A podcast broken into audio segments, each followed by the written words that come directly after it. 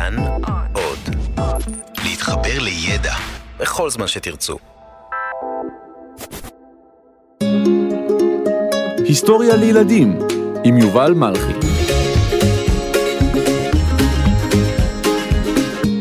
המהפכה התעשייתית.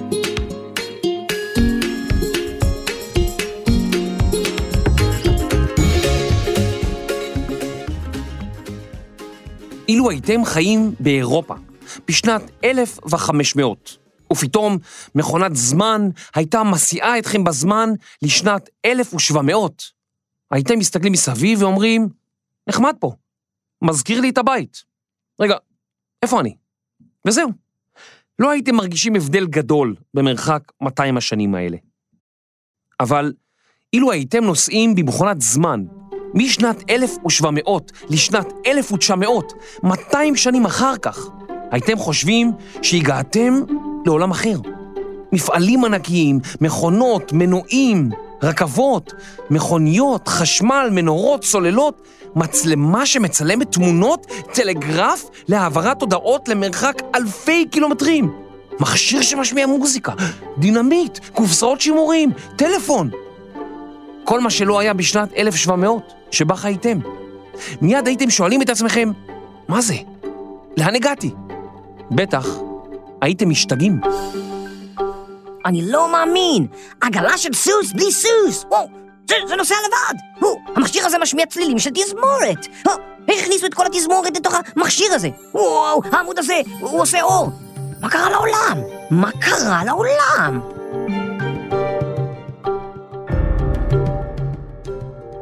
אז מה קרה בדיוק ב-200 השנים הללו? כיצד העולם השתנה מקצה לקצה? בשנים הללו התרחשה מהפכה ששינתה את העולם. המהפכה התעשייתית.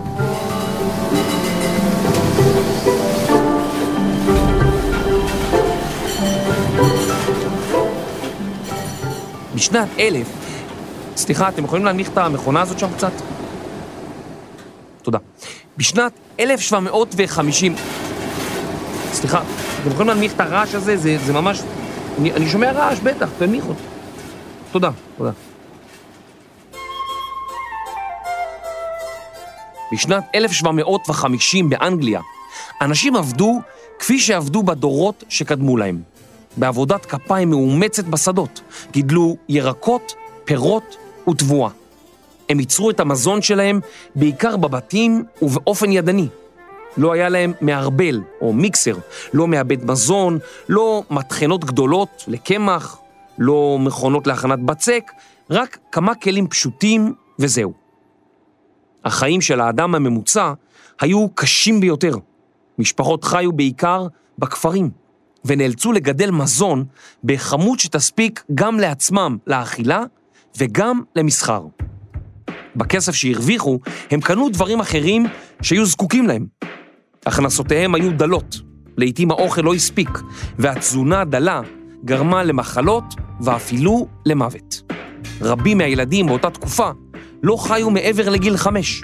החיים באמת היו קשים.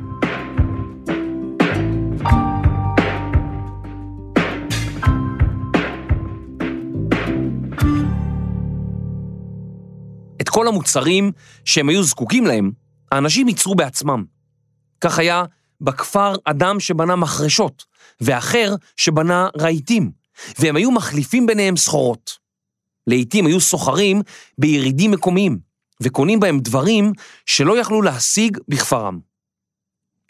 הייצור התבצע לרוב בכלים ידניים. הבעיה העיקרית הייתה בגדים. נדרש זמן רב לשזור סיבים לחוטים, להפוך את החוטים לבד, ואז לתפור חולצה או שמלה. הבגדים היו יקרים מאוד, ולרוב האנשים היו מעט מאוד בגדים. לגברים היו בדרך כלל חולצה אחת או שתיים, ולנשים שמלה אחת או שתיים. הבגדים התחתונים של רוב האנשים היו גם הפיג'מה שלהם.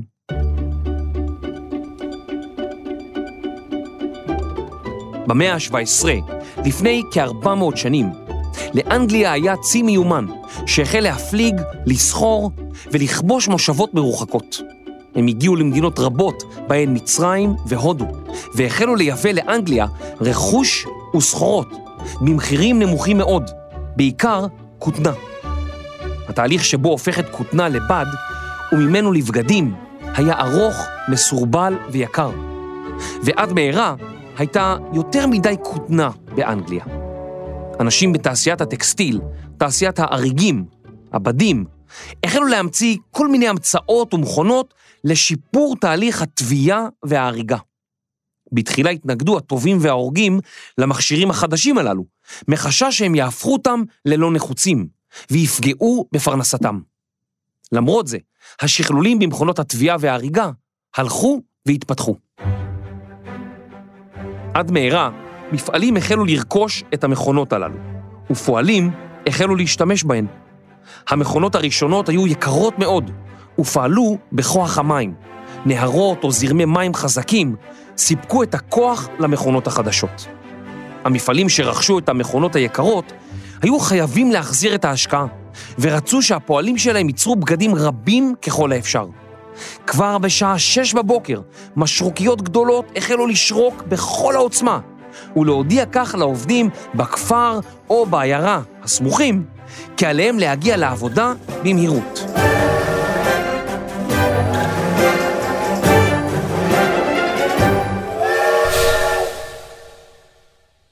לא רק מבוגרים עבדו במפעלי הטקסטיל החדשים, אלא גם ילדים. להעסקת ילדים היו כמה יתרונות. לילדים הקטנים היו אצבעות קטנות שיכלו ללפף את החוטים הדקיקים בקלות, להכניס ידיים לכל מיני חורים קטנים כדי לתקן את המכונה, ולבצע עבודות עדינות. ואולי הכי חשוב, הם קיבלו שכר נמוך מאוד בהשוואה לשכרו של עובד מבוגר. בשל כך, מפעלים העסיקו ילדות וילדים רבים.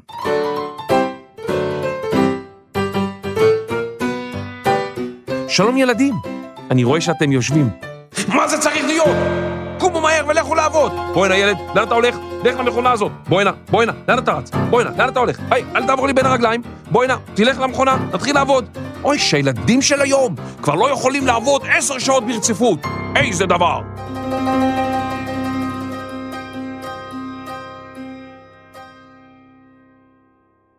העבודה במפעלים הללו הייתה מסוכנת, ולעיתים ילדים סבלו מפציעות קשות ומחבלות. בעלי המפעלים עשו בהם ככל העולה על רוחם, ולעיתים קרובות גערו ואף הצליפו בעובדים הקטנים שלהם כעונש. רק שנים אחר כך החלו הממשלות לפקח על העסקת ילדים, ולאחר מכן לאסור להעסיק ילדים באופן גורף, שזה בעברית באופן מוחלט.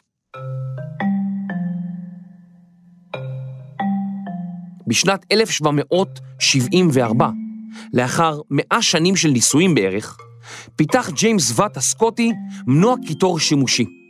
מנוע קיטור פועל על ידי הרתחה של מים במכל סגור. ההרתחה יוצרת עדים שרוצים נורא לצאת החוצה, ולבסוף מתפרצים בלחץ רב, ומניעים גליל שנמצא בתוך צינור. הגליל נע קדימה ואחורה, וכשחיברו אותו לגלגל, הוא היה מסובב את הגלגל הלוך ושוב. המנוע הזה אפשר להפעיל מכונות בקלות, בלי להצטרך עוד סוסים, פרדות או מים זורמים, כמו שהיה נהוג עד אז.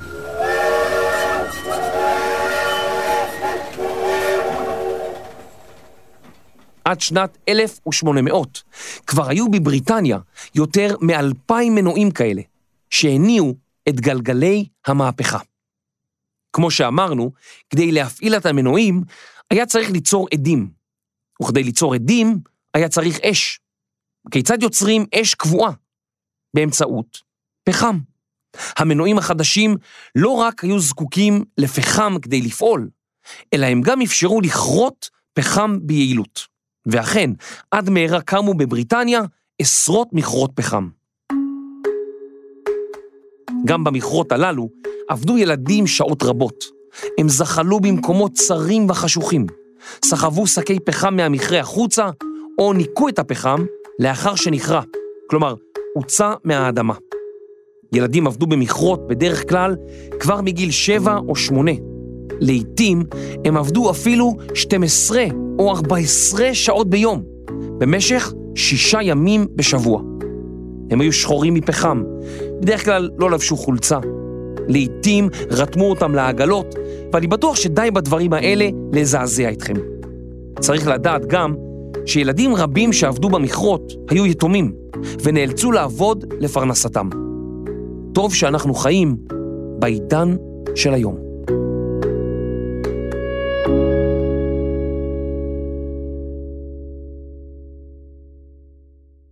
המנוע עזר להביא לשיפורים בתחומי תעשייה רבים, בהן למשל תעשיית הברזל.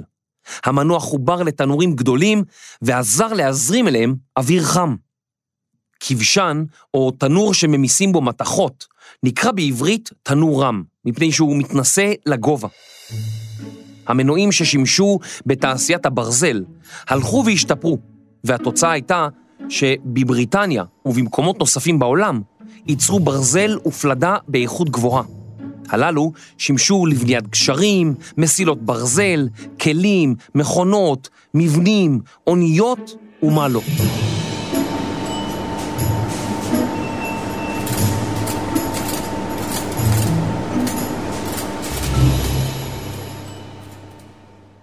לבריטים הייתה בעיה להוביל את הפחם מהמכרות אל המפעלים בערים. הדרכים לא היו סלולות, ולא לכל עיר היה נהר בקרבתה. הבריטים הבינו שכדי שהמכונות שלהם ימשיכו לפעול, הם זקוקים לרשת דרכים. הבריטים סללו דרכים רבות, שהפכו לרשת שלמה של דרכים. הם גם הכשירו אלפי קילומטרים של תעלות מים, שעליהן היה ניתן להשית סחורות. עד היום אפשר לשוט בתעלות הללו.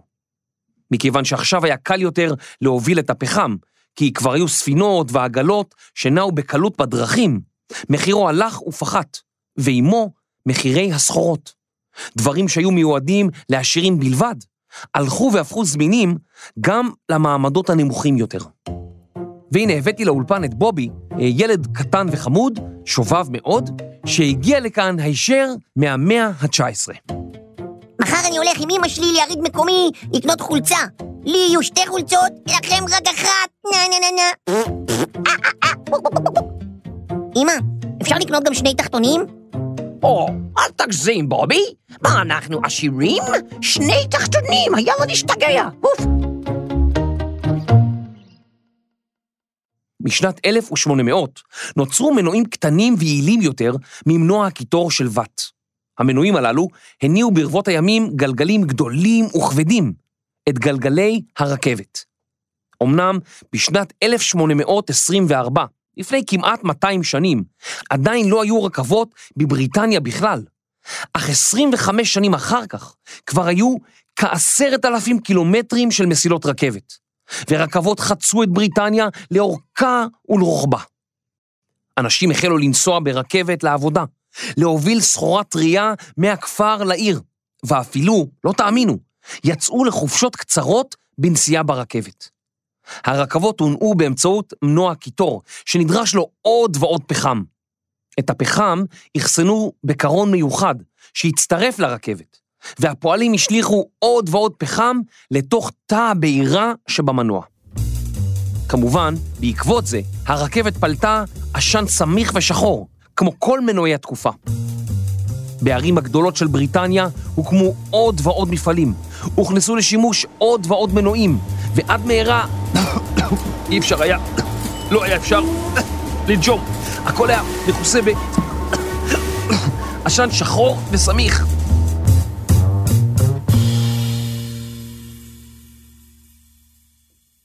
המהפכה התעשייתית הובילה לשינויים מרחיקי לכת בכל תחומי החיים. בלונדון הופיעו מנורות רחוב ראשונות, ונוצרו מכונות לייצור גלילי נייר גדולים, כימיקלים חדשים, ואפילו מכונות חדשות, שיעלו את עבודת החקלאות. עד לעידן המהפכה התעשייתית, רוב האנשים עבדו בחקלאות, כל אחד קרוב לביתו. הם היו בעלי האדמה, או איבדו את האדמה של מישהו אחר בתשלום מסוים. עתה, משנוצרו המכונות החקלאיות החדשות, שזרעו וקצרו שטחים עצומים, בדיוק ובקלות, היה צורך בפחות עובדים בתחום החקלאות. רבים נהרו מהכפרים אל העיר, כדי למצוא עבודה במפעלים החדשים. מספר התושבים במנצ'סטר שבאנגליה, לדוגמה, גדל מ-100 אלף איש בשנת 1800 לכמעט 800 אלף איש 70 שנה אחר כך. תארו לכם את ירושלים גדלה מ-900 אלף איש שיש בה כיום ל-7 מיליון בעוד 70 שנה. התוצאה הבולטת ביותר של המהפכה התעשייתית הזאת היא ירידה קיצונית במחיר של מוצרים רבים, מה שהביא לרווחה מסוימת לתושבים. כשרצית לקנות חצי קילו של כותנה בשנת 1784, היית צריך לשלם משכורת שבועית של פועל. פחות מ-50 שנה לאחר מכן, מחירה היה שווה לשכר תמורת שלוש שעות עבודה בלבד. פתאום היה אפשר לקנות בגדים. מעניין איך זה שאני עדיין שומע, אמא, אין לי מה ללבוש. מוזר. לא כולם אהבו את השינויים הדרמטיים של המהפכה התעשייתית. פועלים שהיו מיומנים בהריגת בדים והריגים, כעסו שמכונות מחליפות אותם. אחרים כעסו שהמפעלים שילמו להם שכר נמוך. באנגליה קמה קבוצה ששמה לודיטים, על שמו של נד לד, פועל ששבר מכונת הריגה אוטומטית. הלדיטים שברו והרסו מכונות טקסטיל וגרמו לנזק במפעלי הטקסטיל. הקבוצה גדלה ומעשיה הפכו קיצוניים יותר ויותר, עד שהצבא האנגלי נאלץ להתערב. לאחר שכמה מחבריה נתפסו, הוגלו או הוצאו להורג, חדלה התנועה הזאת מלהתקיים.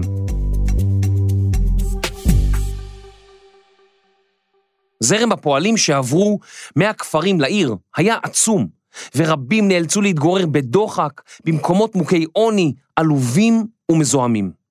מערכות הביוב בערים הגדולות לא היו מותאמות להתמודד עם מספר גדול כל כך של אנשים שעברו להתגורר בעיר בתוך זמן קצר כל כך. הביוב עלה על גדותיו והציף את הרחובות ואת הנערות הסמוכים.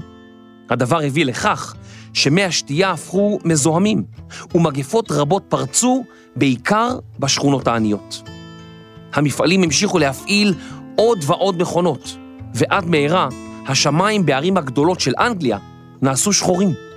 הפיח שהיה באוויר השפיע לרעה על בריאותם של תושבי הערים. תהליכים אחרים שהתרחשו בעידן המהפכה התעשייתית גרמו לשחרור רעלנים לאוויר, ואלה החלו להשפיע לרעה על צמחים ועל דגים ופגעו גם באדמה. מאז ועד היום, ממשלות רבות מחוקקות חוקים נגד זיהום תעשייתי, אך למרבה הצער, במדינות מתפתחות כדוגמת הודו וסין, ולפעמים אפילו גם אצלנו, מפעלים ממשיכים לזהם ולהרעיל את הסביבה.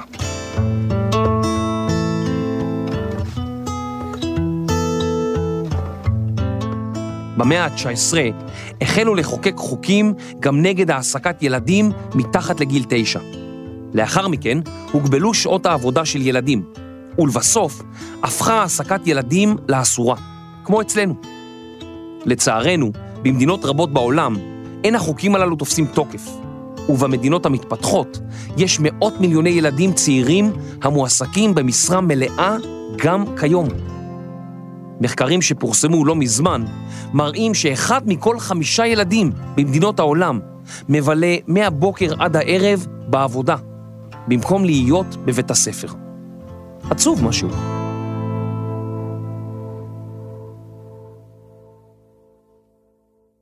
המהפכה התעשייתית התפשטה ברחבי אירופה והעולם המערבי במהירות. היא הביאה לשינויים אדירים בכל תחומי החיים.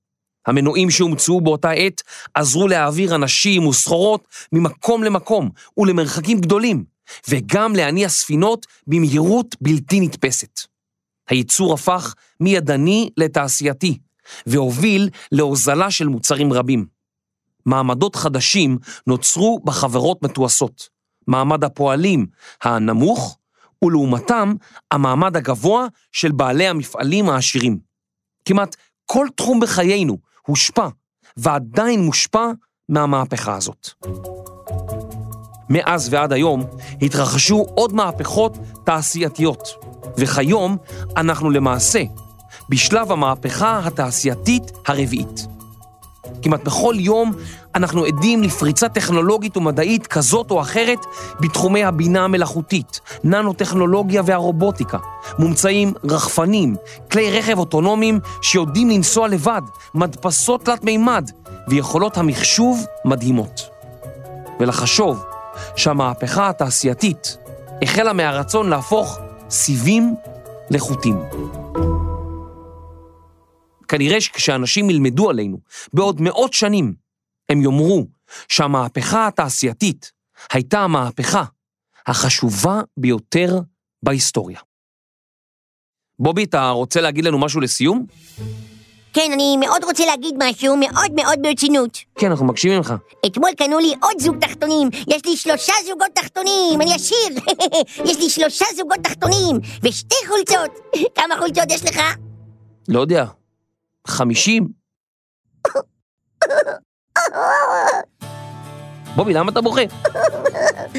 ב, לא, בובי, אל תבכה, לא התכוונתי, התכוונתי חולצה אחת עם חמישים חורים. בובי, התלוצצתי. לא, בובי, חמישים חורים יש לי, חולצה אחת, חמישים... בובי, אה, בובי, בוא, בוא הנה, בובי. אוף, ילד המעצבן הזה. תחזור, תחזור למאה ה-19.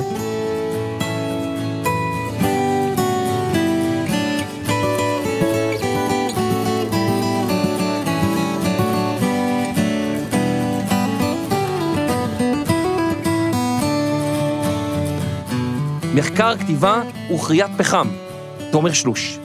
עריכה וקריינות, יובל מלכי. עריכת לשון ושבירת מכונות אוטומטיות לעריכת לשון, סמדר כהן. הקלטה וחיבושים, שלומי יצחק. מיקס, אפקטים ואלוף ישראל בסריגה למרחקים ארוכים, אסף רפפורט. הפקה וחורים בחולצה, רני שחר ואייל שינגר. אני יובל מלכי, היסטוריה לילדים.